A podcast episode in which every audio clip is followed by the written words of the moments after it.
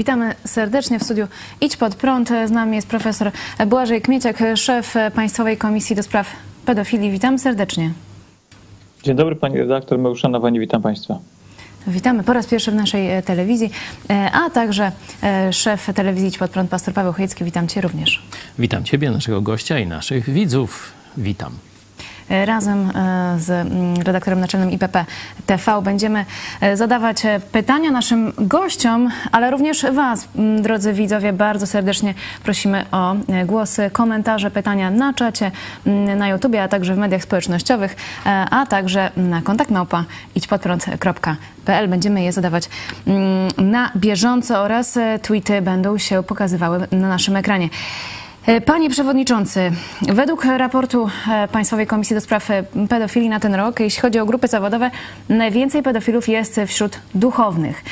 Jakie to są liczby, Panie Przewodniczący? Czy mógłby Pan powiedzieć naszym widzom, jak grupa zawodowa duchownych ma się na przykład do innych grup zawodowych, jeśli chodzi o pedofilię? E, mamy dwie grupy e, spraw, które prowadzi Państwowa Komisja. E, pierwsza grupa to są tak zwane sprawy o charakterze indywidualnym i to są sprawy, które są do nas kierowane. Wszelkie przestępstwa, które dzieją się na terenie Rzeczypospolitej, na terenie Polski, które dotyczą małoletnich, tak naprawdę mogą być do nas kierowane. Tak samo jak do prokuratury, my wtedy przekazujemy to do prokuratury. Nowych spraw, których prowadziliśmy w tym roku, było 318. E, w tym roku prowadziliśmy łącznie 57 w tej grupie 57 spraw, e, w których jako podejrzany o wykorzystanie seksualne dziecka e, był duchowny Kościoła Rzymskokatolickiego.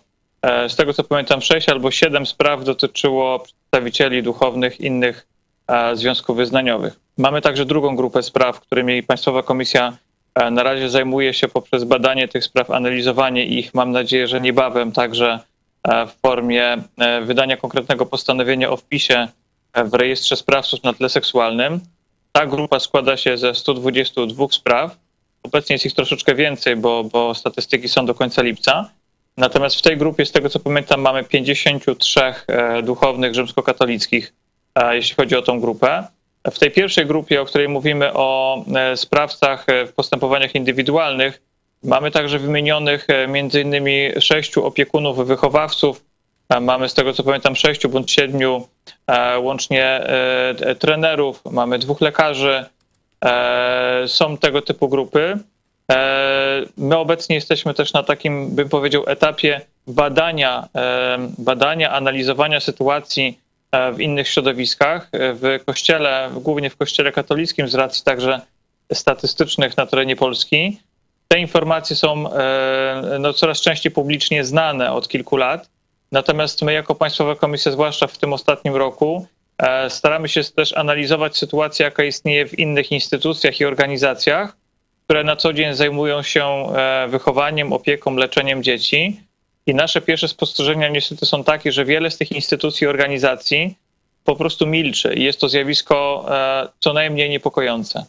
No właśnie, panie przewodniczący, y, uprzedził pan moje następne pytanie odnośnie y, duchownych, y, innych wyznań. Rzeczywiście ta liczba 57 spraw dotyczących duchownych rzymskokatolickich na 318 nowych spraw, a i ta liczba 6-7 spraw, które dotyczą duchownych innych religii. Pytanie, czy ten raport jest miarodajny? E, czy już pojawiły się jakieś głosy, że mm, nie można go traktować poważnie, gdyż jest on jakiś, e, to jest tylko jakiś wycinek rzeczywistości, tak jak pan mm, przed chwilą powiedział, mm, no niektóre osoby się nie zgłaszają, milczą, e, nie ma dostępu do danych. No, pani redaktor, drodzy Państwo, na pewno mamy sytuację taką, w której dane, które zresztą o tym mówiłem wczoraj na, na E, konferencji prasowej i powtórzę to także u Państwa, dane, które prezentuje Państwowa Komisja, są danymi spraw, które do niej docierają. To nie są dane populacyjne. To nie jest tak, że my możemy powiedzieć, że w Polsce dominującą grupą wśród sprawców przestępstw pedofilskich są na przykład duchowni takiego czy innego kościoła. Nie, nie możemy takiego wniosku wysnuć e, z kilku powodów. Po pierwsze, dlatego, że Państwowa Komisja nie jest ośrodkiem badania opinii publicznej i nie zbieramy materiałów z całej Polski, e, to po pierwsze. Po drugie, my prezentujemy dane dotyczące spraw, które do nas trafiły. Dlaczego trafiły do nas na przykład dane dotyczące takiej czy innej grupy zawodowej? trudno nam na razie wyrokować, dlatego że nie mamy na przykład danych chociażby ze związków sportowych, ponieważ czy ze, ze związków harcerskich. My nie wiemy do końca, dlaczego na przykład część organizacji, istotna część tych organizacji zdecydowała się milczeć w relacji z nami. E, Są też pewne dane, o których tutaj mówimy, że one są, tak jak powiedziała pani redaktor miarodajne, one są prawdziwe, ale z perspektywy tego, czym się zajmuje Państwowa Komisja, pewnej grupy spraw, którymi Państwowa Komisja, byśmy powiedzieli, się zajmuje. To nie są wszystkie sprawy terenu Polski. Takiego wniosku na pewno nie można formułować. Jako protestant no, chciałem dopytać o tych duchownych innych wyznań, no bo tu Kościół rzymskokatolicki no, jest podawany z nazwy, a y, te przypadki tych kilku innych jakichś przedstawicieli związków wyznaniowych są tak enigmatycznie określone. Czy pan profesor e, mógłby powiedzieć, czy chodzi o protestantów, czy świadków Jehowy, czy jakieś, jakieś inne religie, jak się rozkładają właśnie te, te, tych kilka osób, które też tam widnieją jako duchowni innych wyznań? Mówimy tutaj między innymi o sprawach dotyczących e, świadków Jehowy. To jest temat, który został poruszony przez e, kilka osób, które do nas, to nie są, nie są wszyscy z tej grupy sześciu osób, natomiast rzeczywiście temat świadków Jehowy był i jest poruszany przez nas e, dość mocno. My otrzymaliśmy zresztą e, dość, duże, dość dużo dokumentów ze zboru świadków Jehowy, opisujący kilka spraw, które oni prowadzili. Do nas także trafiły podejrzenia popełnienia przestępstwa w zborze świadków Jehowy. I te sprawy, zarówno sprawy, które do nas trafiły, jak i e, całe procedury, które zostały przedstawione nam, a, a tych procedur rzeczywiście świadkowie Jehowy także z perspektywy międzynarodowej no, prezentują bardzo dużo. My będziemy to analizować. Myślę, że będzie odrębny raport merytoryczny. Mnie, nie ukrywam, osobiście mogę powiedzieć, że e, także jako socjologowi marzy się, e, jeżeli mogę tak powiedzieć, raport dotyczący w ogóle związków wyznaniowych i tej problematyki. Oczywiście skupionej na kwestii Kościoła katolickiego i na przykład na zbadaniu spraw, które my posiadamy e, przy współpracy na przykład specjalistów prawa kanonicznego, ale my także jako Państwowa Komisja wystąpiliśmy, tutaj było pytanie dotyczące e, chociażby kościołów protestanckich. Myślę, że jako jedni z pierwszych, e, i tu nie chodzi teraz o jakąkolwiek klubę, bo, bo to nie, nie, zupełnie nie ten, nie ten obszar, Natomiast zdecydowaliśmy się wystąpić z pytaniem do e, kościołów chociażby em, Ewangeliska Augustburskiego, reformowanego, zielonoświątkowego, do kościoła prawosławnego, który przecież jest bardzo mocno reprezentowany na terenie chociażby północno-wschodniej części Polski. I powiem wprost, że z tego co pamiętam, e, tylko i wyłącznie kościół zielonoświątkowy, e, zielonoświątkowców, a także kościół ewangelicko, ale już nie pamiętam, czy augsburski, czy reformowany, przedstawili nam informacje dotyczące posiadanych tak naprawdę u nich procedur. Wspominałem o tym wczoraj na konferencji prasowej, że na przykład Kościół prawosławny, no skoro mówimy o Kościele katolickim tak dużo, to myślę, że o Kościele prawosławnym też możemy dwa słowa powiedzieć. E, Cerkiew tak naprawdę nie ma odrębnych procedur dotyczących prewencji wykorzystania seksualnego dzieci. No, więcej niestety no, z bólem serca muszę to powiedzieć, ale odpowiedź, jaką uzyskaliśmy z biura e, prasowego cerkwi, jest daleko niewystarczająca, bo dla mnie oczywiście, y, jako też dla osoby wierzącej, normy zapisane w Ewangelii są bardzo ważne, zwłaszcza te dotyczące e, tak naprawdę byśmy powiedzieli właśnie ochrony godności dziecka, ale no, są to mimo wszystko z ogromnym szacunkiem dla Słowa Bożego, ale są to zbyt ogólne normy dotyczące prewencji. Natomiast dostaliśmy informację, że tak naprawdę podstawową normą w Kościele prawosławnym, jeżeli chodzi o prewencję, jest, e, jest litera Słowa Bożego, Ewangelii, a także litera prawa kanonicznego, ale nie, nie otrzymaliśmy dokładnej informacji. Czyli My te można- kwestie będziemy na pewno dalej badać. Można powiedzieć, że mm, te kościoły protestanckie e, lepiej wypadły, jeśli chodzi e, o przekazanie procedur e, Państwowej Komisji do Spraw Pedofilii. My próbowaliśmy się oczywiście skontaktować z kierownikiem Biura Delegata Konferencji Episkopatu Polski do Spraw Ochrony Dzieci i Młodzieży, z księdzem doktorem Piotrem Studnickim, ale otrzymaliśmy informację, że jest do 5 sierpnia na ważnym spotkaniu, nie może się wypowiedzieć. Będziemy próbować dalej. Znaczy, pas- to, to jeżeli mogę dwa słowa, tylko pani redaktor, y, y, dwa słowa. Kościół katolicki, jeżeli chodzi o kwestię prewencji, i to o tym mówię wprost i, i wyraźnie, e, podejmuje bardzo dużo konkretnych działań. I to jest, to jest fakt, możemy o tym porozmawiać, jeżeli będzie potrzeba. Natomiast jeżeli chodzi o kościoły protestanckie, to tutaj jedno tylko sprostowanie. Niestety w większości, jeżeli chodzi o kościoły, my otrzymaliśmy bardzo ogólne informacje. I tutaj tylko zwrócę uwagę na to, że no Kościół prawosławny, a także kościoły protestanckie no w mniejszości nam udzieliły informacji rzetelnych dotyczących tego, jakie działania podejmują. Także to tylko takie, taka mała uwaga. Dziękuję serdecznie. E, panie Przewodniczący, mm, również wypowiadał się e, mm, Pan w kwestii mm, tajnej instrukcji dla biskupów. E, Kościół katolicki nie chce współpracować z Państwową Komisją do Spraw Pedofilii, jeśli chodzi o udostępnianie dokumentów, powiedział Pan we wtorek. Występowaliśmy do nuncjusza apostolskiego z pytaniem o tajną instrukcję dla biskupów dotyczącą udostępniania dokumentów. Niestety nie otrzymaliśmy odpowiedzi. E, to jak jest z tą współpracą komisji e, z, mm, z Kościołem katolickim? No, tak jak, jak wspominałem, także mamy różne poziomy tej współpracy. Jeżeli chodzi o współpracę dotyczącą kwestii merytorycznych, czyli kwestii prewencji i edukacji, e, to tutaj myślę, że istnieje bardzo duża możliwość do współdziałania i współpracy, bo są instytucje w Kościele katolickim jak Centrum Ochrony Dziecka czy, czy Fundacja Świętego Józefa, które podejmują konkretne, realne działania mające na celu pomoc osobom skrzywdzonym. Jeśli chodzi o uzyskiwanie do, informacji dotyczących bieżącego na przykład stanu sprawy karno-kanonicznej czy administracyjno-kanonicznej, tutaj kurie, a także kanclerze tych kurii przekazują nam raczej bez problemu informacji informacji. Dużo większy problem jest, o czym wielokrotnie mówiliśmy, na poziomie, byśmy powiedzieli, już władz instytucjonalnych Kościoła, czyli mówimy o po pierwsze episkopacie, a po drugie mówimy o stolicy apostolskiej, o Watykanie. Wspomniana przez panią redaktor instrukcja watykańska, ona rzeczywiście na początku była tajna, natomiast na początku tego roku została ona ujawniona przez jednego z dziennikarzy.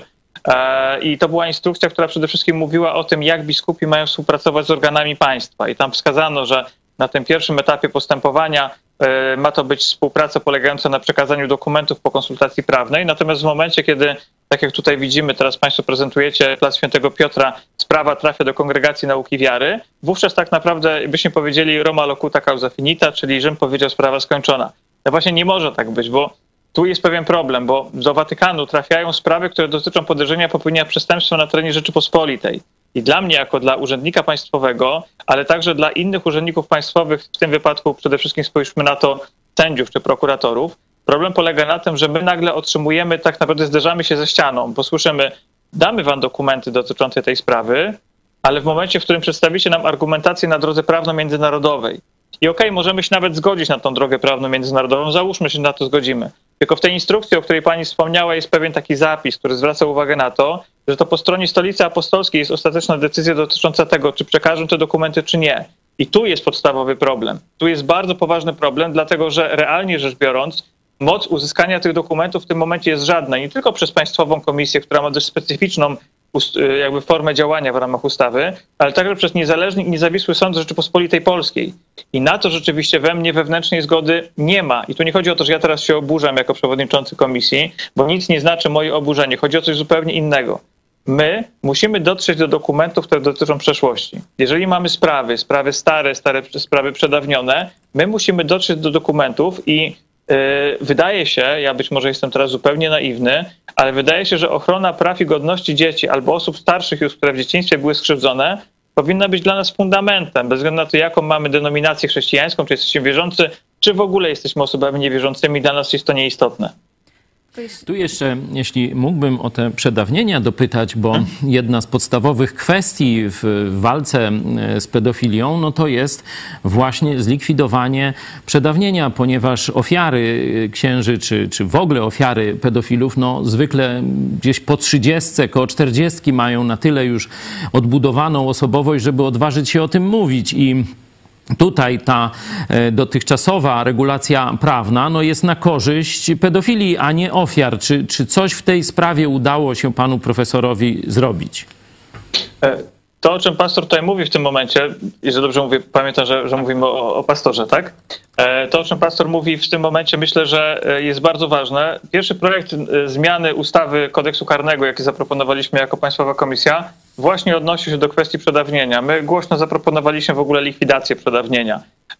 W dyskusji wśród prawników, ja co prawda jestem socjologiem prawa, notabene z Lublinem związany, ale, e, ale nie karnistą, tak? I, I tutaj wolałbym nie wchodzić w buty karnistów, bo, bo mają oni dużo większą wiedzę niż ja. Natomiast jako socjolog prawa mogę powiedzieć, obserwując tę dyskusję, że rzeczywiście trwa pewna dyskusja, czy zlikwidować w ogóle przedawnienie, jak w przypadku na przykład przestępstw zbrodni wojennej, czy też istotnie wydłużyć. Gdy dyskutowaliśmy z ekspertami e, w ramach chociażby zmiany naszej ustawy o Państwowej Komisji, na czym bardzo mocno się teraz skupiamy właśnie dla bezpieczeństwa prowadzenia postępowań z osobami skrzywdzonymi, e, uznali, e, jakby skupiliśmy się przede wszystkim na tym. Ostatnie rozmowy, jakie prowadziliśmy, przede wszystkim miały na celu istotne wydłużenie okresu przedawnienia, bo zgodzę się z tym, o czym pastor powiedział, że mamy sytuację taką, w której y, osoba skrzywdzona osiąga wiek 30 lat. My mamy takie sprawy sprzed 30-40 lat, drodzy Państwo, i nagle okazuje się, że tak naprawdę koniec, nie ma tej sprawy. Prokuratura i sąd nie może się już tym zająć. Wtedy rzeczywiście zgodnie z prawem my mamy tym się zająć rzetelnie, mocno i skutecznie. I okej, i naprawdę chcemy to zrobić. Natomiast y, prawda jest taka, że ta osoba nie poniesie odpowiedzialności karnej, sprawca bez względu na to, jaki strój nosił. E, Więc rzeczywiście co najmniej istotne wydłużenie tego okresu przedawnienia wydaje się czymś społeczno-prawnie bardzo uzasadnionym, bo mówimy jakby o rozciągnięciu tego okresu ochrony właśnie godności i ochrony prawnej osoby skrzywdzonej. Panie Przewodniczący, jeżeli e, os, można ostatnie pytanie, jeśli wróćmy jeszcze do, do raportu. E, powiedział Pan, e, że e, Komisja nie jest ośrodkiem badania opinii publicznej. E, To nie jest e, jakby badanie e, całej populacji polskiej, jeśli chodzi e, o przypadki pedofilii, ale jednak, e, czy można powiedzieć, że ten raport e, Waszej komisji pokazał jakąś tendencję, jeśli chodzi o grupy mm, zawodowe? Na pewno raport pokazał, że temat e, e, wczoraj, wczoraj e, takie spotkałem, spotkałem przy okazji jednej rozmowy z telewizyjnej jedną z pań poseł i zadała mi pytanie, czy nie dostałem po głowie za to od kogoś, nie wiem od kogo, ale czy nie dostałem po głowie za to, że w raporcie wskazujemy, że, że, że osoby duchowne e, prezentują taką czy inną liczbę. E, e, Nie, nie dostałem po głowie i zresztą my, jak Państwowa Komisja jesteśmy organem niezależnym, więc mogą się ludzie denerwować czy nie. Rzeczywiście, jeżeli chodzi o tą tendencję, o którą pani redaktor pyta, możemy powiedzieć, że na pewno temat w ogóle duchowieństwa, temat wykorzystania seksualnego dziecka przez osobę duchowną jest problemem istotnym społecznie. Jest problemem, którego nie możemy w żaden sposób ani bagatelizować, ani go schować, ani uważać, że tego tematu nie ma. Jest. E, Sam Kościół katolicki, ja patrzę na to, tak jak Państwu powiedziałem, jakby z różnych poziomów. Z jednej strony widzę tutaj na, na, na e, obrazkach, które Państwo prezentujecie, biskupów, hierarchów, którzy rzeczywiście w wielu wypadkach milczą. Więcej, są sytuacje, kiedy biskupi uzyskują jakąś symboliczną karę, ona ma naprawdę symboliczny charakter i my nie wiemy, za co oni zostali ukarani. Z drugiej strony ja patrzę rzeczywiście na tych duchownych, którzy są szeregowymi duchownymi, którzy robią konkretne działania, żeby pomóc osobom skrzywdzonym i wydaje się, że przede wszystkim oni też widzą, że temat ten jest istotny społecznie. Natomiast jest druga sprawa, o której chcę powiedzieć. Druga sprawa jest taka, że mamy pewną grupę, grupę organizacji i instytucji na co dzień zajmujących się dziećmi, szeroko rozumianą grupę, która nie jest tak naprawdę transparentna. Okazuje się, że te sprawy w Polsce nadal nie są transparentne. Sprawy dotyczące opieki i ochrony dzieci. Jesteśmy w trakcie wakacji, tak? Mamy tego typu sytuacje. Czy te osoby są sprawdzane, czy nie są sprawdzane? Czy y, instytucje i organizacje mają konkretne procedury prewencji w tym obszarze, czy też nie mają? Tak? Czy jadąc na rekolekcję wychowawca z, z Kościoła katolickiego jest sprawdzany, ale czy jadąc na obóz harcerski ten wychowawca też jest sprawdzany? Czy mamy konkretne zadania? Tu widzimy, że w obszarze tych instytucji, nazwijmy- to świeckich, mamy także ogromną, bym powiedział, taką przestrzeń nieobsadzoną, terra incognita normalnie, która tak naprawdę wymaga zbadania i przeanalizowania równie mocno jak sprawy duchowne Kościoła katolickiego czy też innych związków wyznaniowych. To jeszcze tylko króciutko e, powiedział pan profesor o tej trudności wyciągnięcia dokumentacji z Watykanu. E, Upewnię się, konkordat tego w żaden sposób nie uregulował. Nie, nie, Dziękuję. konkordat nie, nie reguluje tego, ponieważ my mówimy o pewnych normach prawa międzynarodowego i rzeczywiście ja rozumiem z perspektywy prawno-międzynarodowej, że mamy do czynienia ze stolicą apostolską, która, e, która ma swoje dokumenty. Tylko dla mnie jakby problem jest troszeczkę innej natury, a mianowicie takiej, że tak jak wspomniałem, przestępstwo zostało popełnione w Polsce, na terenie Rzeczypospolitej, nad Wisłą byśmy powiedzieli. I nagle te dokumenty, które świadczą o popełnieniu przestępstwa na obywatele, w obywatelu polskim, w większości przestępstwa dokonanego przez Polaka, nagle następuje jakaś eksterytorialność tych dokumentów. I na to wewnętrznej zgody jakby być trudno, trudno mi o akceptację tego stanu rzeczy. Bo Watykan, który teraz widzimy na zdjęciach, oczywiście ma prawo mieć swoje procedury karno-kanoniczne. Ale nie może być teraz sytuacji takiej, że na przykład niezawisły sąd, a mieliśmy tego typu sytuacje, nie może uzyskać realnie dokumentów, które są właśnie w gmachach Kongregacji Nauki Wiary. Nie dlatego, że jestem teraz antyklerykałem, tylko dlatego, że jest to coś sprzecznego z pewnym ratio legis, pewnym, pewnym elementarnym charakterem ochrony godności i praw Polaków. No, No tu właśnie, się zgadzamy, także dziękuję bardzo za tę wypowiedź. E, Pewne osoby są po prostu, no można powiedzieć, lepiej traktowane, czy nierówno traktowane wobec prawa, tylko dlatego, że są przedstawicielami e, Znaczy, tu nawet nie kapłaństwa. chodzi, pani redaktor, o lepsze traktowanie, tylko chodzi o niezrozumiałość, jeżeli chodzi o zachowanie pewnej poufności dokumentów. Bo przypomnę, we Francji episkopat francuski zbadał dokumenty z 33 diecezji losowo wybranych z ostatnich 70 lat. I oni, drodzy Państwo, za zgodą Watykanu, nomen omen, uzyskali dostęp do nawet tajnych archiwów. Więc czy jest to możliwe? Jest to możliwe. Czy jest to dobre? Powiem więcej. To jest bardzo dobre, bo myślę, że z tym się też zgodzimy. Naprawdę prawda wyzwala. Amen. No właśnie, nasi widzowie już mm, piszą, Józef Midor, czy polscy księża są obywatelami innego państwa, w tym Nie, wypadku nie są Watykanu, że są tylko mają, nietykalni? z tego co Mhm. pamiętam. e, Kardynałowie, tak? Są obywatelami? Z tego co pamiętam kardynałowie, ale tutaj nie jestem kanonistą, nie jestem ekspertem. Z tego co pamiętam, kiedyś z ciekawości patrzyłem, że kardynałowie chyba mają też obywatelstwo Watykanu, ale tutaj bym prosił, żeby raczej spytać kanonistę, nie. O kardynale e, Dziwiszu będziemy za chwilę mówić e, z dziennikarzem Onetu Szymoną, Szymonem Piegzą. E, Bardzo serdecznie dziękujemy e, E, panu przewodniczącemu. Był z nami profesor Błażej Kmieciak, e, szef e, Państwowej Komisji do Spraw Serdecznie. Państwa pozdrawiam, dziękuję za przyjemną rozmowę. Kłaniam się nisko i do widzenia. My również. Kłaniamy się i chwała Wam za to, co robicie właśnie w sprawie pedofilii i e, przestępstw pedofilii w Polsce. E, My teraz chcemy Państwu pokazać nasz reportaż e, na temat e, kardynała Dziwisza. E, Kilka minut e, materiału filmowego i e, połączymy się, mam nadzieję, z Szymonem Piegzą z Onetu i porozmawiamy o tym, że kardynał Dziwisz znów niepokalany, w cudzysłowie. Z nieoficjalnych informacji wynika, że Watykan nie dopatrzył się winy kardynała Stanisława Dziwisza w tuszowaniu skandali pedofilskich. Do Watykanu napisał w tej sprawie Janusz Szymik, ofiara księdza pedofila Jana Wodniaka. Opisał, jak informacja o jego sprawie dotarła do kardynała Dziwisza, który nic w tej sprawie nie zrobił. Za to sprawca, ksiądz Wodniak, nadal pracował z dziećmi i krzywdził kolejne osoby. Oficjalne zawiadomienie w sprawie złożył w Watykanie reporter Onetu Szymon Piegza. Watykan powołał komisję, która w czerwcu w Polsce weryfikowała doniesienia o zaniedbaniach kardynała Dziwisza, ale tylko z czasu, gdy ten był metropolitą krakowskim. Nie zbadano zatem spraw z czasu, gdy Stanisław Dziwisz był sekretarzem Jana Pawła II, a te są równie bulwersujące. Świadkowie twierdzą, że Stanisław Dziwisz musiał wiedzieć o sprawie meksykańskiego zgromadzenia Legion Chrystusa, którego założyciel Marcial Maciel de Gollado przez kilkadziesiąt lat gwałcił i molestował nieletnich i dorosłych seminarzystów. Informacje i skargi przekazywano wielokrotnie do Watykanu, jednak dopóki papieżem był Jan Paweł II, nie było reakcji. Kardynał Dziwisz podczas pracy w Watykanie promował też biskupa pedofila Theodora McCarricka, z którym był w bliskich relacjach. Według doniesień włoskich mediów McCarrick przekazywał Dziwiszowi duże sumy pieniędzy, a Dziwisz nie dopuszczał informacji o skandalach seksualnych do papieża. Po śmierci Jana Pawła II Stanisław Dziwisz wrócił do Polski wraz ze swoim sekretarzem Andreą Nardotto. Dwa lata temu sekretarz kardynała został potajemnie wyświęcony na świeckiego diakona. W czasie, gdy w Polsce pracowała watykańska komisja, kardynał Dziwisz był na urlopie w Chorwacji w towarzystwie kilku współpracowników, w tym swojego sekretarza. Zdjęcia z wyjazdu opublikował Fakt. Po publikacji dziennika katolicka agencja informacyjna podała, że Dziwisz pielgrzymował do Medjugorje.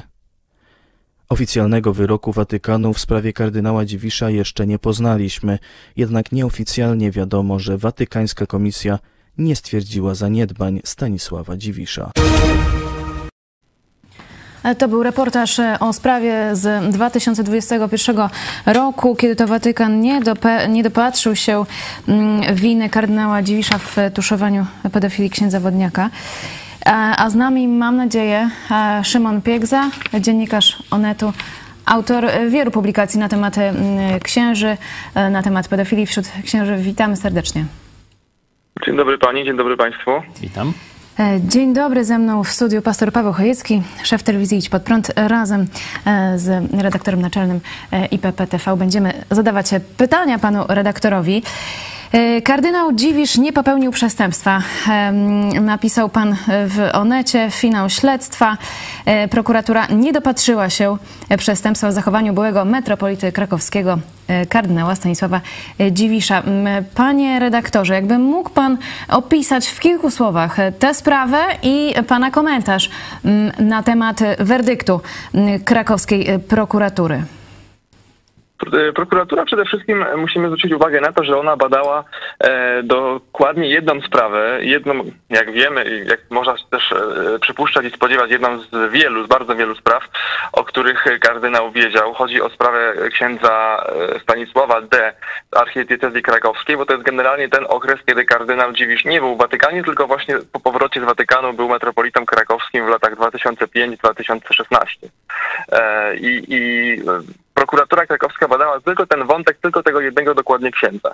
E, k- Księdzu Stefanowi D., jedna z rodzin krakowskich, e, dokładnie z parafii Kraków-Medyniki, zarzucała e, w 2000, jak dobrze pamiętam, siódmym czy ósmym roku, że ksiądz Stefan miał wykorzystywać seksualnie ich nastoletniego syna. E, Kardynał Dziwil oczywiście się o tej sprawie dowiedział, bo to już ustaliłem. e, Rozmawia, ja oczywiście rozmawia, rozmawiałem też z tą, z tą rodziną, bo badałem tę sprawę. E, I od tej rodziny pokrzywdzonego dowiedziałem się, że sprawa bezpośrednio została zgłoszona nie kardynałowi, ale biskupowi pomocniczemu Janowi Szkodoniowi, który na marginesie też ma na koncie sprawę wykorzystywanie, czy, czy e, obwiniony jest o, o wykorzystywanie seksualne nieletniej, ale to jest oczywiście inny wątek, inna historia. Mm, i Rozmawiałem również w tym konkretnym przypadku o tej konkretnej sprawie właśnie z y, tym księdzem biskupem Szkodoniem, który właśnie te, to, to zgłoszenie przy, przyjmował. I ksiądz Szkodoń, szanowni państwo, powiedział mi wprost, że on tę sprawę przekazał, zgodnie zresztą z procedurą, przekazał swojemu, swojemu szefowi, czyli metropolicie krakowskiemu kardynałowi Dziwiszowi. Bo w każdej tego typu sprawach, no to o tym, o tym musimy wiedzieć, że w, każdy w każdych tego typu sprawach y, decyzję podejmuje właśnie biskup. W, tym, y, w tej sytuacji biskup metropolita, kardynał Dziwisz podejmował decyzję, no i kardynał Dziwisz decydował, co z tą sprawą dalej zrobić. E, Przez wiele, przez wiele lat tak naprawdę, nawet chyba przez kilkanaście lat, rodzina pokrzywdzonego nie wiedziała zupełnie, co się z tą sprawą dzieje, czy w ogóle ta sprawa została zgłoszona do Watykanu.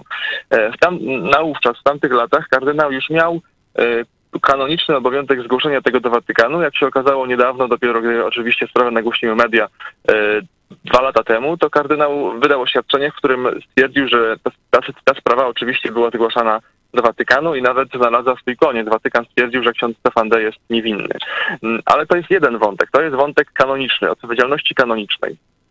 To jest trochę to, o czym mówił e, wasz państwa wcześniejszy gość, e, profesor Kmieciak. Biskupi i księża i wszystkie osoby konsekrowane odpowiadają również przed prawem kanonicznym, kościelnym, prawda?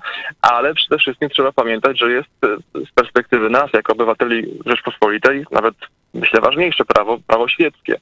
I tutaj kardynał, jak się okazuje, nie ma żadnej informacji, żeby kardynał zgłosił tę sprawę tego księdza e, oskarżonego o wykorzystywanie seksualne, żeby zgłosił do prokuratury. I właśnie ten wątek podejmowała w ostatnim postępowaniu krakowska prokuratura. I jaki jest finał? Finał jest taki, że krakowska prokuratura nie dopatrzyła się przestępstwa ze strony kardynała. Ale tutaj trzeba zrobić małe ostrzeżenie. To nie oznacza, z tej odpowiedzi przynajmniej, którą ja dostałem kilka dni temu z prokuratury, a też nie znam akt jeszcze tej sprawy, będę o nie dopiero występował, to jednak nie oznacza, że kardynał tej sprawy nie tuszował. To znaczy w praktyce tuszowanie miałoby wyglądać w ten sposób, że po prostu jeżeli kardynał wie o przestępstwach swojego podwładnego, to powinien to zgłosić. yy, Był wtedy na ówczas taki obowiązek moralny. Każdy z nas go miał, nie tylko kardynał, że powinien zgłosić śledczym. Nie mamy tej wiedzy, żeby zgłosił. Prokuratura również tego nie neguje, że kardynał nie zgłosił, tylko prokuratura twierdzi, że kardynał nie popełnił przestępstwa. Bo faktycznie do y, 13 lipca 2017 roku każdy, kto wiedział, a nie zgłosił, miał tylko obowiązek moralny, czyli nie było obowiązku karnego, y, ergo nie ma żadnego paragrafu, żeby kardynała można było y, za coś oskarżyć. Więc y, przestępstwa według krakowskiej prokuratury przestępstwa nie było. To jednak nie oznacza, że kardynał tę wiedzę o e, przestępstwach e, pedofilskich zachował dla siebie. E, No i co się, dało, co się stało dalej, bo to jest też istotne, jakby jak, jak Czyli ta tak, historia się jeszcze potoczyła dalej. Mhm. Rozumiem, że miał obowiązek moralny, ale nieprawny poinformować. Dokładnie. Dokładnie tak, na tym, polega, na tym polega ten niuans i na tym, ale to jest ważny niuans, ponieważ właśnie dokładnie tak jak pani wyjaśniła, obowiązek prawny y, mamy od, mamy wszyscy, nie tylko kardynałowie oczywiście, mamy wszyscy, bo wszyscy jesteśmy obywatelami tego kraju. Od 13 lipca 2017 roku zmieniła się, y, zmienił się kodeks karny, został znowelizowany i wszyscy mamy prawny obowiązek, żeby informować prokuraturę, policję o y, czynach przestępczych pedofilskich. Do tej, do, tego, do tej daty mieliśmy taki obowiązek powszechny, ale on był tylko moralny. Wynikał po prostu z naszej moralności z naszego sumienia. Ale kardynał, możemy myślę z dużą dozą prawdopodobieństwa, nie wiemy tego na 100%, ale z dużą dozą, dozą prawdopodobieństwa możemy przyjąć, że kardynał tego nie zgłosił do prokuratury, ponieważ to się stało, to się stało później. Pół roku później, po oskarżeniach wobec księdza Stefana D., ten ksiądz trafił na inną parafię. Więc proszę sobie wyobrazić, gdyby było śledztwo prokuratorskie, no to jednak nie moglibyśmy się spodziewać, że, że ksiądz proboszcz zostanie y, po pół roku trafi na parafię i będzie proboszczem gdzie indziej, no i kuria generalnie będzie uważała, że się nic nie stało, prawda? No, no jednak ówcześnie panował taki model zarządzania kościołem, zresztą nie tylko w Krakowie, gdzie po prostu takie sprawy załatwiało się po cichu i mówiąc krótko, zamiatało się je pod dywan. Czyli po prostu y, wyjaśniało albo próbowało się wyjaśniać y, w, wyniku postępowania kanonicznego, kościelnego, ale o tych sprawach nie informowało się w prokuraturze, nie informowało się śledczych. Y, no, skutek jest taki, że po prostu wykształciła się pewna kultura klerykalna, która pozwalała pewne przestępstwa tuszować, e, no i narażać niestety e, z dużym prawdopodobieństwem też można powiedzieć. To może akurat nie jest konkretny przypadek Stefana D., bo to też analizowałem, ale w wielu innych przypadkach, jak na, jak na przykład księdza Wodniaka z Międzybrodzia Bielskiego, e, zaniedbania biskupów powodowały, że ksiądz pedofil dopuszczał się kolejnych przestępstw. No i oczy- oczywiście cierpiały kolejne ofiary, kolejne dzieci. Wracając jeszcze do wyroku krakowskiej e, prokuratury, ona przyjęła, rozumiem, taką wykładnię, że no, biskup miał ten moralny obowiązek, niestety no, moralnie okazał się karłem, e, ale karnie nie można go e, w żaden sposób ścigać. Ale część karnistów tutaj twierdzi, że jeśli miał tę wiedzę w sposób no, taki, że tak powiem, bardzo prawdopodobny, że ktoś popełnił ten czyn pedofilski, a po y, tej dacie kiedy to prawo już z moralnego przeszło na karne, nie zgłosił tego, a prokuratura o tym nie wiedziała z innych źródeł, no to dalej ciąży już na nim teraz obowiązek karny. Czy prokuratura krakowska albo ktoś w ogóle odniósł się do tej strony zarzutu? Dokładnie tak, to jest kolejny wątek, bardzo ciekawy wątek i bardzo ważny wątek tej historii. Zresztą nie tylko hej, nie, nie tylko tej, bo, bo e, faktycznie w ubiegłym miesiącu i to też trzeba powiedzieć, że za sprawą właśnie Państwowej Komisji do Spraw Pedofilii i pana, e, między innymi pana Kmieciaka, Sąd Najwyższy podjął uchwałę, która właśnie polega na tym, że tak jak pan pr- przed chwilą powiedział e, dokładnie, e, Sąd Najwyższy stwierdził, że nawet jeżeli ktoś właśnie wiedział wcześniej, tak jak właśnie przed tym momentem, załóżmy tym takim e, cezurą czasową, niech będzie to ten 13 lipca 2017. e, Wcześniej był obowią- obowiązek moralny, ale Sąd Najwyższy w ubiegłym miesiącu stwierdził, że okej, jeżeli wcześniej mieliśmy obowiązek moralny, to po tej dacie każdy, nawet kto wiedział kilka lat do tyłu, ma obowiązek zgłoszenia sprawy do prokuratury. Nawet tych starych, tych najstarszych. Należy zgłosić wiedzę do prokuratury, bo to prokurator decyduje, czy sprawa jest przedawniona, czy nie. E, I właśnie to jest e, ciekawe w, tym, w kontekście sprawy kardynała Dziwisza, że w momencie, kiedy Sąd Najwyższy tę uchwałę, uchwałę podjął e, w pierwsze- 1 lipca bieżącego roku, sprawa kardynała e, Dziwisza w krakowskiej prokur- prokuraturze, ona już była w toku. No to znaczy jednak tutaj e, ta uchwała nie ma zastosowania, ponieważ no jednak jest główna, czy jedna z głównych zasad prawa rzymskiego lex retro non agit, czyli prawo nie działa wstecz, prawda? Więc na tym, w tej konkretnej sytuacji akurat prokuratorzy no nie mogli wziąć pod uwagę tej uchwały, ale to jest jednak informacja też dla prokuratorów, którzy będą być może w przyszłości, myślę, że nawet nie być może, tylko na pewno będą w przyszłości badać y, ewentualne zaniedbania, czy, czy, czy właśnie przestępstwa, y, czy generalnie kwestie y, decyzji kardynała Dziwisza. I myślę, że w przyszłości prokuratorzy już na pewno będą musieli e, uwzględnić. Ta uchwała Sądu Najwyższego to jest też pewien e, niuans, ale z kolei znowu no, dość ważny. Ona co prawda nie ma e, mocy prawnej wiążącej, ona jedynie wiąże mocą autorytetu Sądu Najwyższego. No ale jednak Sąd Najwyższy to jest chyba największy autorytet, jeśli chodzi o polskie sądownictwo, prawda? Bo on określa linię orzeczniczą. Więc oczywiście w tej konkretnej sytuacji i konkretnego śledztwa krakowskiego, tutaj akurat prokuratorzy faktycznie nie wzięli tego pod uwagę, oni nawet nie mogli tego wziąć pod uwagę z technicznego, z technicznego punktu widzenia, no bo prawo nie działa wstecz.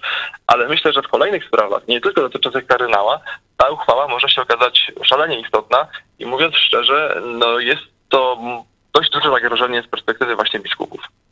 Y, mogę, mm, jeśli pan pozwoli, przejść na trochę bardziej ogólny poziom, bo mieliśmy przed chwilą profesora mm, Kmieciaka y, z tej Państwowej Komisji do Spraw y, Pedofilii i tam padły takie bardzo ważne słowa, że pan profesor, przecież sam no, praktykujący, wierzący katolik, powiedział, że jest zbulwersowany postawą Watykanu i tą niechęcią do przekazywania tych dokumentów związanych z przestępcami, z przestępstwami obywateli polskich, będących tam księżmi, ale obywateli polskich na terenie Polski, na, krzy, na krzywdę obywateli też polskich, a że Watykan tu jest bardzo powściągliwy albo nawet, no, można powiedzieć, nie współpracuje, zataja te przestępstwa. Z drugiej strony widzimy e, w doniesieniach prasowych coraz więcej takich sytuacji, że oto parafianie w jakiś sposób no, buntują się przed y, albo nadużyciami księży, albo arogancją. Ta szczególnie zainteresowała mnie sprawa, kiedy parafianie jednej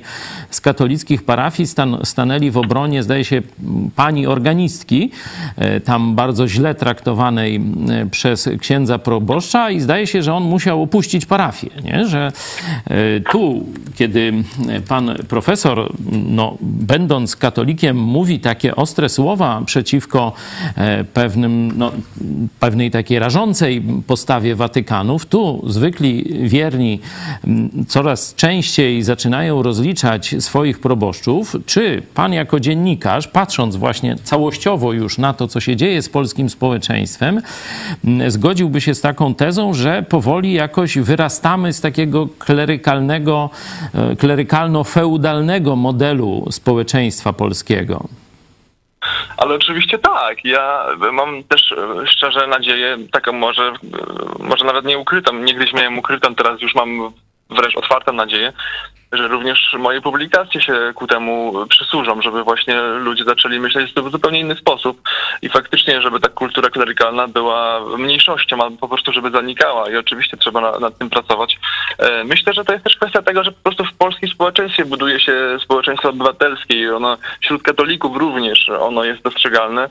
E, no, ja się zgadzam się z tym, o czym mówił profesor Kmieciak, to znaczy no jest czymś absolutnie patologicznym, żeby e, polskie dokumenty wytworzone na polskich parafiach dotyczące e, przestępstw na polskich dzieciach e, nie mogły, sąd, polskie sądy i pol, polskie prokuratury i też Polska Komisja Państwowa nie mogła ich dostać. To znaczy dysponentem dzisiaj tego są kurie, są, są biskupi i ci ludzie uważają, że muszą albo potrzebują mieć zgodę Watykanu, czyli zupełnie innego państwa, to tak jakby te dokumenty należały do innego państwa. To jest sytuacja patologiczna i kuriozalna. To, to znaczy myślę, że w dobrze, poprawnie działającym, zdecydowanym państwie taka sytuacja w ogóle nie powinna mieć miejsca. I oczywiście tutaj nie jesteśmy jakimś, jakimś nowum na, na mapie y, katolickiej, y, mapie świata, bo takie sytuacje działy się w różnych krajach. Chociażby 20-30 lat temu to się działo w Stanach Zjednoczonych. Tylko przypominam, że tam e, prokuratorzy po prostu wchodzili z nakazem e, przeszukania do kurii i zabezpieczali dokumenty i je wynosili siłą. Mam wrażenie, że nie ma innego sposobu. To znaczy, e, czas na współpracę już był, a polscy biskupi pokazali, że oni nawet właśnie z państwowymi organami typu sądy, prokuratury i Państwowa Komisja, zresztą profesor Chmieciak wie o tym najlepiej i o tym też mówił na wczorajszej ostatniej konferencji prasowej, nie ma tej współpracy, więc y, no, szanowni państwo, no, dochodzimy do sytuacji, kiedy faktycznie mm, Kościół katolicki i jego przedstawiciele, biskupi y, z wielką, mm, z wielką estymą próbują wygłaszać y, jakieś wys- wystąpienia czy, czy, czy e, zapewnienia, że najważniejsze w tej instytucji są ofiary i osoby pokrzywdzone, a jeżeli chodzi, dochodzi do sytuacji konkretnej, do konfrontacji, gdzie właśnie na przykład sąd występuje w drodze postępowania karnego czy nawet cywilnego o dokumenty, które, o, doku, o archiwa, w których po prostu jest wszystko. Jest, jest skala nadużyć, są konkretne nazwiska, konkretne nazwiska również biskupów, którzy tuszowali wręcz te przestępstwa.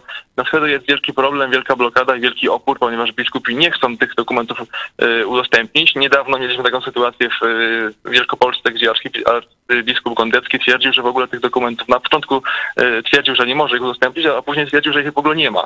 To było też, y, kanoniści też twierdzą, że to jest nieprawda, bo biskupi muszą robić kopie dokumentów.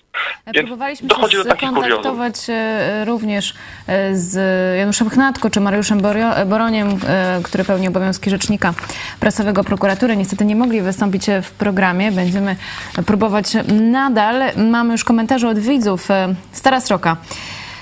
Wszyscy murarze mogą wreszcie odetchnąć z ulgą. To chyba komentarz odnośnie raportu e, Komisji do spraw pedofilii. No nie, to jest komentarz odnośnie takiego pisowskiego redaktora Rachonia, który tak próbował bronić księży katolickich i całą instytucję kościoła, no zwalając winę na murarzy. E, Tadeusz Marszałek w podobnym tonie zostało objawione, w cudzysłowie, to, co było e, wszem i wobec wiadome, tylko niektórzy udawali głupków i mówili, że to wśród murarzy jest najwięcej pedofilii, bo rzeczywiście na każdej budowie kręci się mnóstwo dzieci. E, Takie, e, można tutaj, powiedzieć, prześmiew, prześmiewcze e, komentarze Jeśli- widzów. Jeśli mogę, to skala rzeczywiście e, jest bardzo, bardzo no, zwalająca z nóg i potwierdza to, co mówimy. Oczywiście profesor Kmieciak zaznaczał, że to jest tylko wycinek rzeczywistości, stąd e, jeszcze statystycznie nie możemy tu zbyt daleko iść, to przypominam, ale na te 318 przestępstw 57 duchownych Kościoła rzymskokatolickiego tutaj dodajmy. tu nie jestem pewien, czy 50 rzymskiego, czy 57, ale to daje około 1 szóstą, a księży jest około 30 30 tysięcy w Polsce, czy to jest 1 dziesiąta, poniżej 1 dziesiątej procenta, czyli zobaczcie, ta poniżej 1 dziesiątej procenta w wykrytych przestępstwach już mamy e, statystykę na poziomie 1 szósta, e, czyli no naprawdę bardzo, to jest około ponad 15%, bardzo, bardzo wysoka e, statystyka. E, Czy pan redaktor ma jakieś, jakieś swoje takie przemyślenia, jeśli chodzi o właśnie te statystyczne już z Polski e, sygnały? Faktycznie e, publikacja drugiego raportu Państwowej Komisji do Spraw Pedofilii, która, mia, która miała miejsce wczoraj, no po raz kolejny ten kolejny już raport wskazuje no, pewną tendencję, którą widzieliśmy tak naprawdę już w pierwszym raporcie właśnie, że jeśli chodzi o podział sprawców e, pod względem grup zawodowych, no to faktycznie księża są na, na pierwszym miejscu.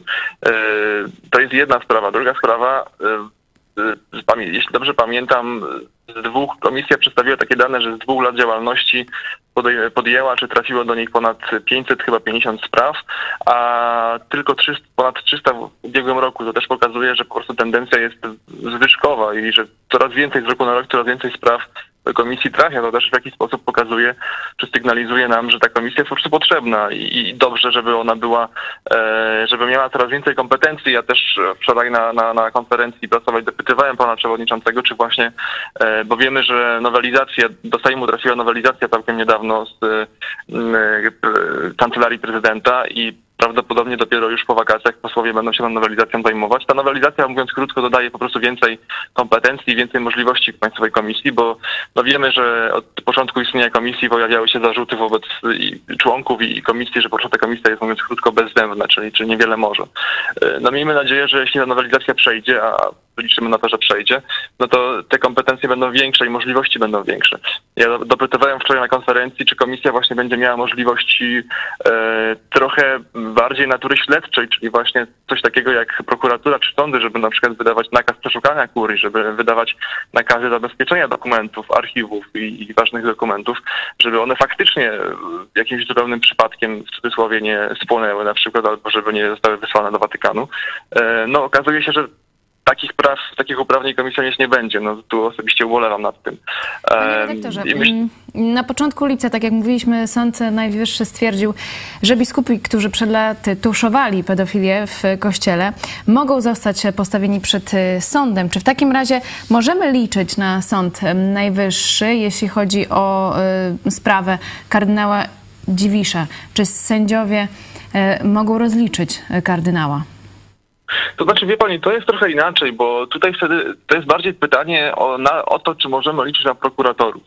Bo te sprawy zwykle trafiają do prokuratury, a trzeba też pamiętać, że prokuratura krajowa, no i generalnie jednostki jej podległe e, należą cały czas do pana Ziobry. Czyli to jest trochę pytanie do pana Ziobry, czy pan minister zechce karać biskupów? No pytanie, jak dobrze wiecie państwo, retoryczne raczej. E, oczywiście, że w mojej ocenie prokuratorzy, jak dostaną takie, takie sprawy, a też pan przewodniczący Kmieciak zapowiadał, że ma tych spraw bardzo dużo dotyczą- dotyczących ewentualnych zaniedbań biskupów i będzie je wysyłał konsekwentnie do prokuratury e, i chwała mu za to. E, i, i, wtedy, do, I wtedy prokuratorzy będą musieli sobie odpowiedzieć na pytanie, czy według nich uchwała, czy będzie ich wiązała uchwała, tak jak mówiłem, to nie jest e, wiążąca mocy prawnej, ale mocą autorytetu. I czy, czy prokuratorzy wezmą to pod uwagę? Szczerze powiedziawszy, już na koniec odpowiadając, jestem sceptykiem. Myślę, że nic się nie zmieni. Myślę, że prokuratura jak była Ziobrowska, tak będzie Ziobrowska, no i oczywiście e, nie da biskupom zrobić krzywdy. Więc no jesteśmy w bardzo poważnym impasie i mówiąc szczerze, sam nie wiem, w którym kierunku to pójdzie, ale będę to obserwował cały czas. No tutaj podobne skojarzenie miałem jak pan redaktor o tym paleniu teczek. Nie? Wiemy, że SB czy inne służby komunistyczne próbowały ukryć e, część agentury albo przez zwykłe palenie, albo w tak zwanym zbiorze zastrzeżonym IPN. To on tam Tak. powoli się zaczyna dopiero objawiać. Ciekawe właśnie, czy podobna praktyka, jakieś tajne schowki, czy, czy właśnie ten zbiór zastrzeżony w kurii gdzieś tam w podziemiach, w krypcie jakiegoś świętego razem z jego kośćmi, albo właśnie pójdzie z dymem. No, zobaczymy. W każdym razie żyjemy w ciekawych mm, czasach. Ja, jeśli mógłbym tu swój mm, taki e, kamyczek wrzucić do działań e, prokuratury, to zobaczcie Państwo, prokuratura ponad rok czasu analizowała moje kazania, czyli to, co protestancki pastor mówi w protestanckiej telewizji czy w protestanckim kościele. E, Ponad tam chyba 300 czy ileś stron spisywali, wiecie, jak za komuny spisywali te kazania i tam znaleźli kilka słów, których można było się przyczepić i postawili mi takie dosyć taki miszmasz takich zarzutów, że i obraza uczuć religijnych katolików, którzy przecież nie są zmuszani, żeby przychodzić na protestanckie kazania, e, albo nawet wywołania wojny napastniczej. Tak, tak, naprawdę taki zarzut prokuratura Ziobry mi postawiła. Wywołania wojny napastniczej z Koreą Północną. Wszystko to w jednym takim miszmaszu aktu oskarżenia. Zobaczcie, tak się traktuje protestanckich pastorów, a zobaczcie, jak równolegle ta sama prokuratura chroni gwałcicieli dzieci. Gwałcicieli dzieci, nie tak, że oni coś powiedzieli. Oni gwałcili wasze dzieci. I teraz prokuratura rządu, na który głosujecie, chroni tych gwałcicieli. Warto wyciągnąć wnioski, żeby zobaczyć, jaka jest kondycja moralna zarówno tych prokuratorów, tych rządzących, od Ziobry, od Kaczyńskiego i jaka jest kandydat, kondycja moralna ludzi, którzy to popierają.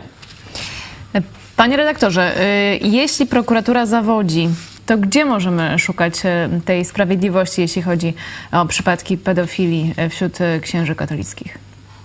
No właśnie ja tutaj tak samo e, tak samo liczyłem właśnie na większe kompetencje Państwowej Komisji, bo e, oczywiście Państwowa Komisja też w jakiś sposób e, współpracuje z prokuraturą em, i, i, przesyła, jeśli dostanie jakieś sprawę, to, to kompetencji Państwowej Komisji jest przesyłanie tej sprawy dalej i uruchomienie procedury e, prawnej i karnej, to się dzieje.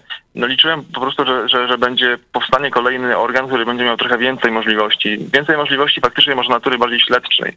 Czyli to znaczy, że widzę, że y, sądy niestety są bezradne. Dla mnie sytuacja jest kompletnie patologiczna. Prokuratury nie chcą się tym zajmować, chociaż mogą.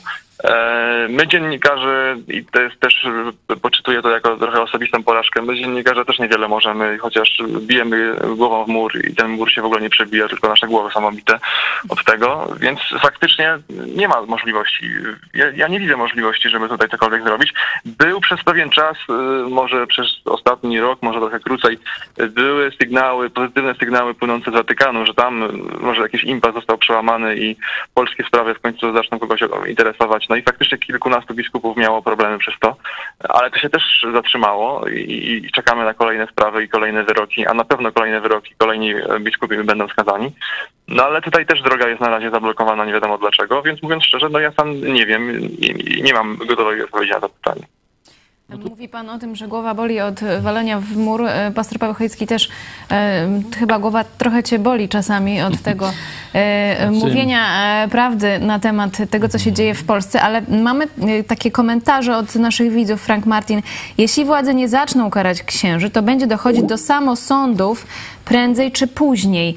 E, I to może być jakiś czynnik, który ewentualnie wpłynie na władzę w Polsce i e, władzę sądowniczą i e, władzę mm, ustawodawczą, wykonawczą, że po prostu ludzie nie wytrzymają, społeczeństwo nie wytrzyma i będą te samosądy. Tu trzeba rozdzielić ta zmiana społeczna i akty samosądów. Akty samosądów trzeba zawsze potępiać. Y, To nie jest y, droga rozwiązywania, y, można powiedzieć, sporów społecznych. Od tego są państwowe organy ścigania, sądy. To dopiero można by mówić o czymś takim, kiedy by państwo znikło, tak jak y, na przykład w 1939 roku państwo się zawaliło, nie było y, służb, no to wtedy ludzie musieli się jakoś organizować. Jest taka scena w filmie Hubal, nie? jak właśnie y, gospodarze sami no, tam pojmali jakiegoś i tam do majora, mimo wszystko tam tego złodzieja i takiego tam przyprowadzają i mimo, że już państwo praktycznie upadło, no to major Hubal właśnie próbuje e, tam, żeby to było lega artis, żeby to było w zgodzie z prawem, e, robi proces i tam go rozstrzeliwują, nie? Także absolutnie, e, żeby ktoś nie zrozumiał tego, co powiedziałaś, że pochwalamy samosądy, czy, czy ten komentarz naszego widza. To jest po prostu e, jakaś... Kończę może. Ch- Chcę tylko pokazać, że dwie różne sprawy. Gniew społeczeństwa, niezadowolenie społeczne to jest jedna rzecz i ono narasta. I teraz zależy, jakie znajdzie ujście. Oczywiście może znaleźć ujście, tak jak mówi nasz e, komentator, czy w jakichś ruchawkach tego właśnie scenariusza tak zwanego ulicy ciągle się obawiamy i mówimy o tym, że jeśli władza pisowska e, nie przestanie niszczyć państwa polskiego, to doprowadzi do scenariusza ulicznego. Ostrzegamy e, przed tym. E, I w tych sprawach związanych z e, gwałceniem dzieci może być podobnie, ale o wiele większą nadzieję, mówisz, że czy mnie głowa boli? Nie, no bo każdego dnia ktoś nowy się budzi.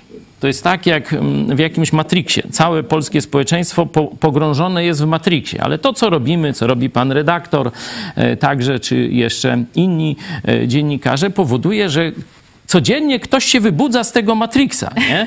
My oprócz informowania pokazujemy o tych nadużyciach, pokazujemy nadzieję w Jezusie Chrystusie i w Jego Słowie. I e, to wybudzanie się ludzi do Jezusa bez sakramentów, bez pośrednictwa tego upadłego mm, Rzymu e, i, i te, tej całej struktury watykańskiej, to jest dla nas, dla mnie, jest każdego dnia nadzieją, żeby zaczynać y, każdy dzień i znowu stawać do tej walki. I społeczeństwo się budzi. Czy z, z pozycji takich obywatelskich, czy z pozycji biblijnych, to już trudno odczytać, nie? Jaka jest tam proporcja. Myślę, że tu pan redaktor się zgodzi, że to i to nie jest istotne, ale widzimy, że społeczeństwo polskie się budzi, że dość tej, e, tej feudalnej, e, ka- klerykalnej e, mentalności takiego ściskania czapki, kłaniania się przed, przed wójtem, przed plebanem i tak dalej, nie? O to Panie- walczy, walczyli polscy reformatorzy, bo tu cytuję Mikołaja Reja z XVI wieku, wyobraźcie sobie, polski protestant właśnie przeciwko temu e, występował i pokazywał i nadużycia zarówno kleru, jak i po części szlachty. E, I dzisiaj mamy do czynienia z podobnym procesem. Polskie społeczeństwo się budzi i chwała Bogu. Panie redaktorze, czy pan również obserwuje te zmiany, szczególnie w środowisku e, dziennikarzy w Polsce, że już e, przestaje się tak e, traktować hierarchów katolickich jako obywateli szczególnej kategorii? Święte krowy. Marcin tak. Gutowski, redaktor Pawlicka z Newsweeka również, pan redaktor i jeszcze kilka osób otwarcie pisze o przestępstwach także w kościele katolickim. Czy tę zmianę rzeczywiście widać? To znaczy, wie pani, ja myślę, że dziennikarze, moi koledzy, koleżanki, myślę, że to są na tyle inteligentni ludzie, że oni doskonale to widzą od lat, że, że ta, ta, ten proces y, degrengolady y, hierarchii i takiego klerykalizmu postępuje w naszym kościele.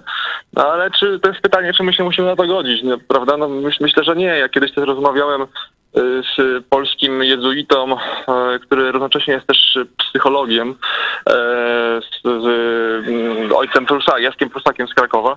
No i on mi powiedział coś takiego, co bardzo mocno we mnie do tej pory re- rezonuje. E, mianowicie zapytał mnie, czy jeżeli dobry, dobra osoba, dobry wierny ma głupiego biskupa, to czy musi go słuchać? No ja myślę, że nie. No i, i ojciec Prusak też uważa, że nie.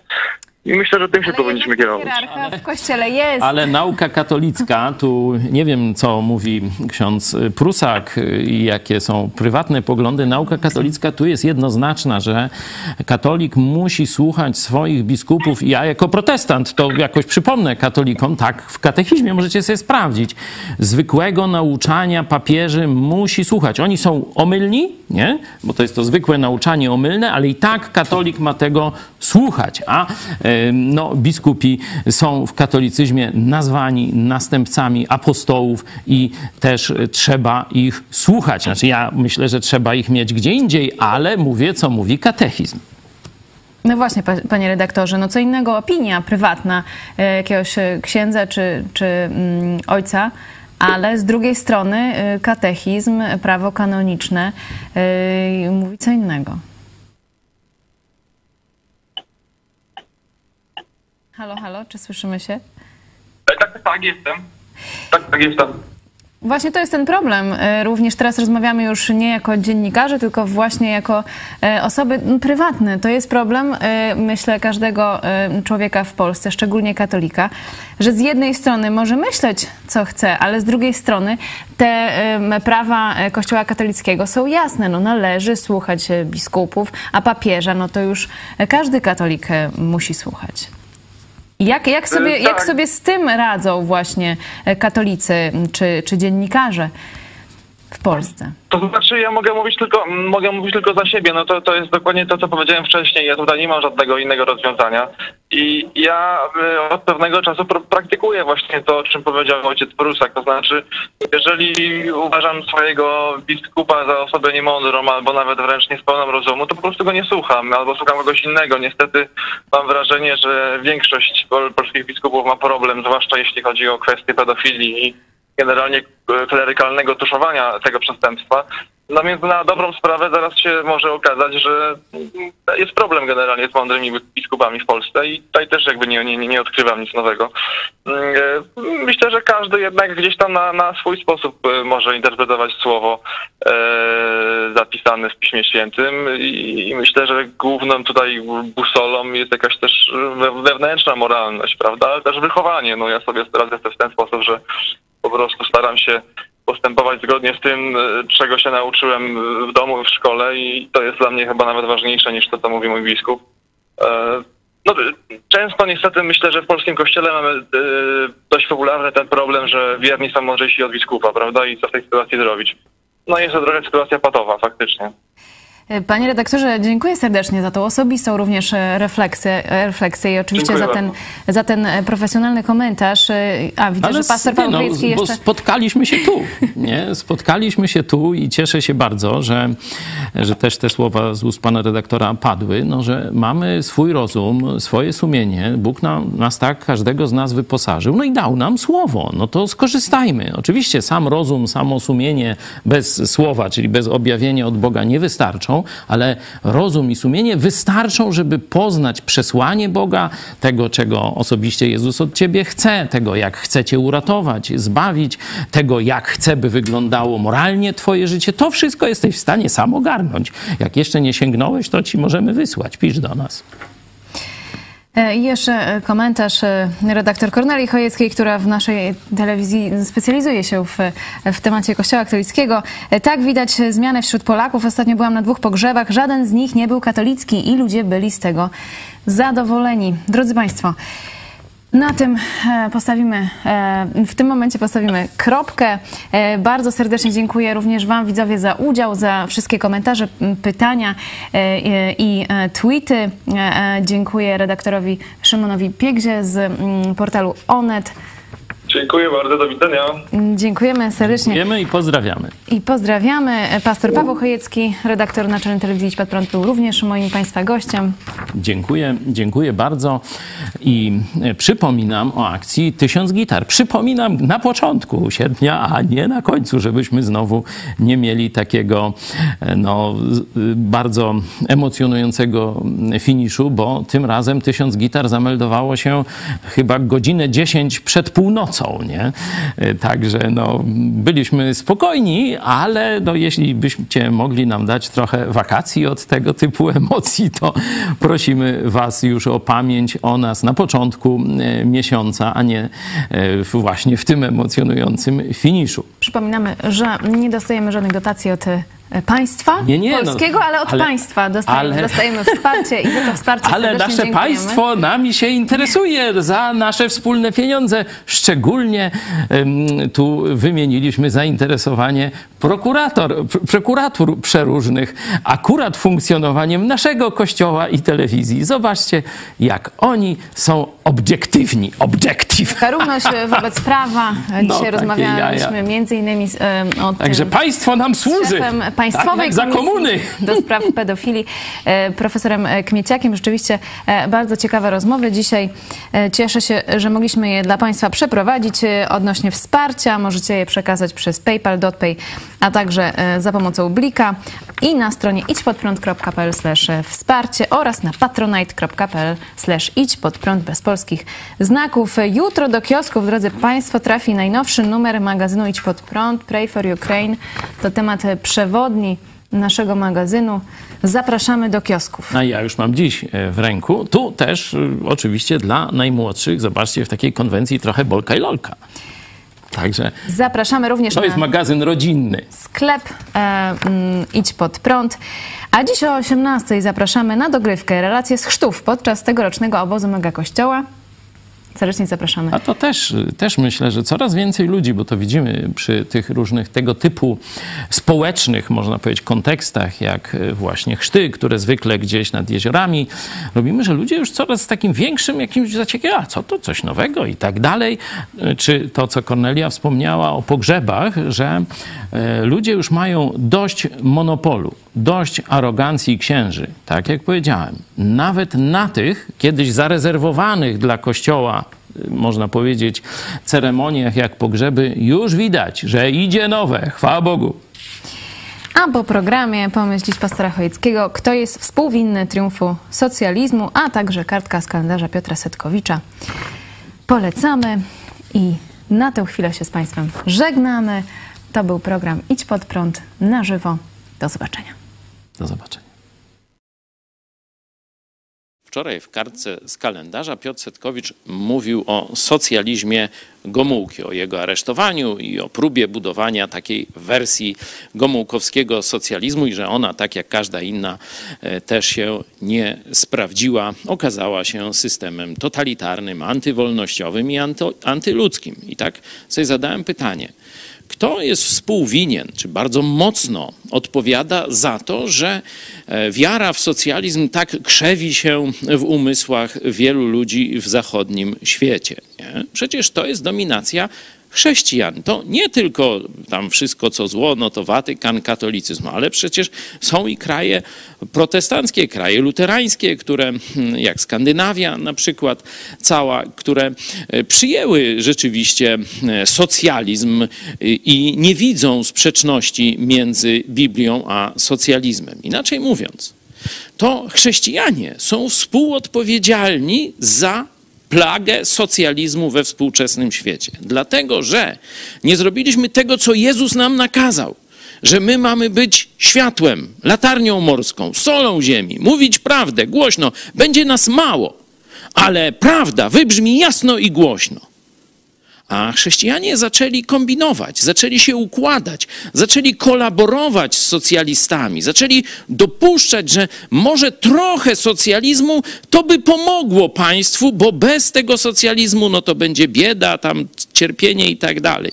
Jezus powiedział, że biedy nie zlikwidujecie, a próbując za pomocą socjalizmu zlikwidować biedę i cierpienie, odbieramy ludziom wszelkie wolności. Chrześcijanie powinni jasno mówić: chrześcijanie, socjalizm to zło. I kropka. I nie ma żadnej dyskusji. Każdy socjalizm jest zły. Jeśli chrześcijanie z kolei zaczną mówić, że no, błędy, wypaczenia, czyli trochę socjalizmu jest dobre, trochę nie, to ludzie niewierzący pójdą jeszcze dalej. Aha, ten socjalizm jest w miarę okej, okay, bo nawet chrześcijanie po części się z nim zgadzają. Za stan społeczeństw zachodnich, to, że Socjalizm tak nas przeżarł. Jest współodpowiedzialny. Kościół Jezusa Chrystusa, który nie był wierny w tym, żeby zawsze głosić: socjalizm to złodziejstwo, socjalizm to degeneracja moralna, szczególnie młodego pokolenia, i socjalizm to zabieranie nam wolności, którą dał nam Bóg. 3 sierpnia 1569 roku król Zygmunt August wydał akt inkorporacji, w którym poddał Inflanty, czyli tereny dzisiejszej Łotwy i Estonii wspólnemu zwierzchnictwu korony i Wielkiego Księstwa Litewskiego. Od początku XIII wieku Inflanty stanowiły teren państwa zakonu kawalerów mieczowych, niemieckiego zakonu rycerskiego, który później połączył się z zakonem krzyżackim. Ponieważ zakon kawalerów mieczowych, arcybiskup Rygi i mieszczaństwo niemieckie nie działały tak zgodnie jak w państwie krzyżackim Łotysze i Estończycy nie zostali tak zgermanizowani jak Prusowie. W roku 1561 Gotthard Kettler, ostatni wielki mistrz zakonu kawalerów mieczowych, przyjął luteranizm i poddał się pod władzę Zygmunta Augusta. Otrzymał za to dziedziczne księstwo Kurlandii i Semigalii, a z reszty terenów państwa zakonnego utworzono księstwo zadźwińskie poddane Litwie. Akt inkorporacji z roku 1569 zmieniał inflanty we wspólne lenno korony i Litwy. Aby wyegzekwować akt inkorporacji trzeba było pokonać Moskwę, która próbowała przebić się do Bałtyku i zajmowała znaczną część Inflant. Udało się to dopiero Stefanowi Batoremu. W następstwie wojen ze Szwecją Rzeczpospolita utraciła wkrótce większość Inflant. Ta część, która pozostała w granicach Rzeczpospolitej, zintegrowała się z nią. Niemieckojęzyczna szlachta inflancka szybko się spolonizowała i wniosła wielki wkład w naszą historię. Dotyczy to szczególnie rodzin Denhoffów, Tyzenhausów, Manteufflów, Romerów, Reitanów i Platerów.